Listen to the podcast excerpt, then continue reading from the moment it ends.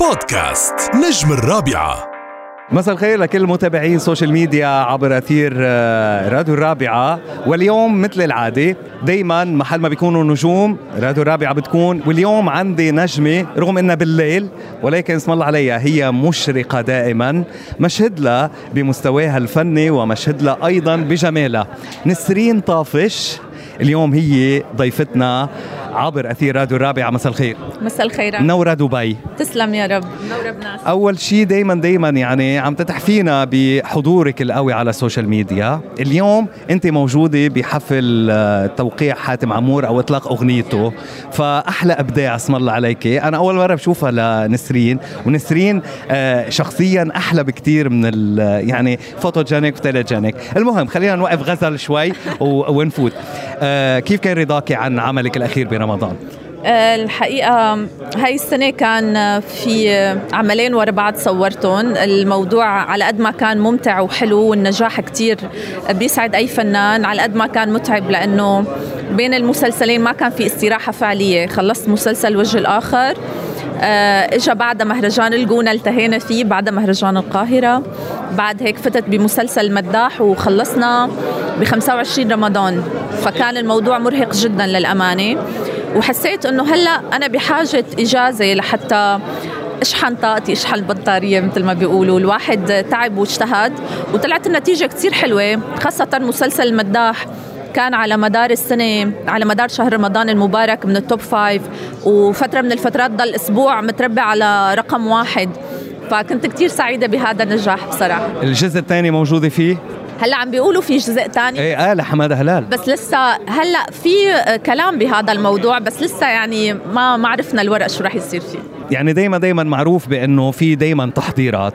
آه، هلا أنت اخذه فترة إجازة ولكن أكيد في شيء عم تدرسيه. شو عندك شيء جديد؟ شو شو بدنا ننطر من نسرين؟ أه، ما رح خبي عليك لهلا ما وقعت على ولا شيء بس في كلام أه، تم التداول مع شركتين بمصر. على أعمال في واحد فيلم وفي واحد تلفزيون.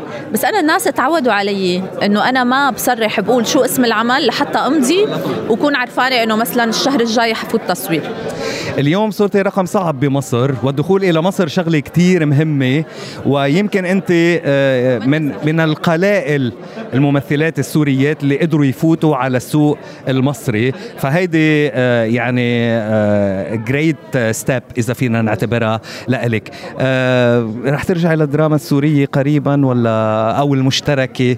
هلا أنا ما تركت الدراما السورية عمليا بس آه، مثل أي فنان بيلحق الفرصة الأفضل.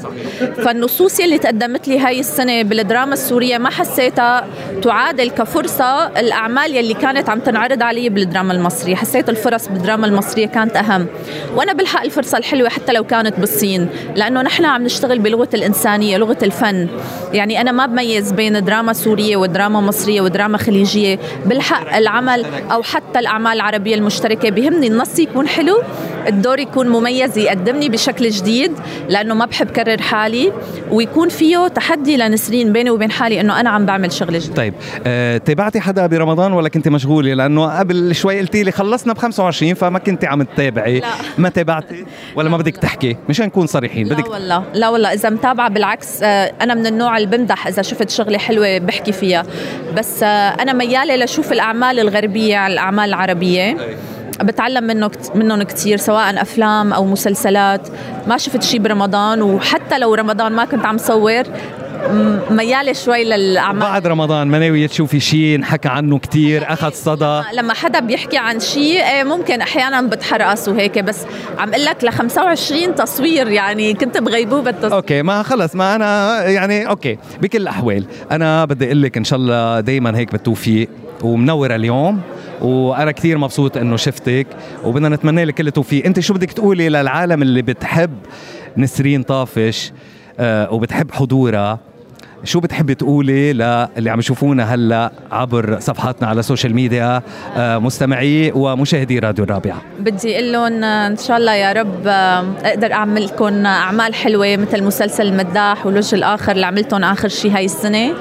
آه، إن شاء الله أقدر أعمل شغلة حلوة برمضان. اشتقت طبعا للدراما السورية وممكن أعمل شيء دراما عربية مشتركة بإذن الله.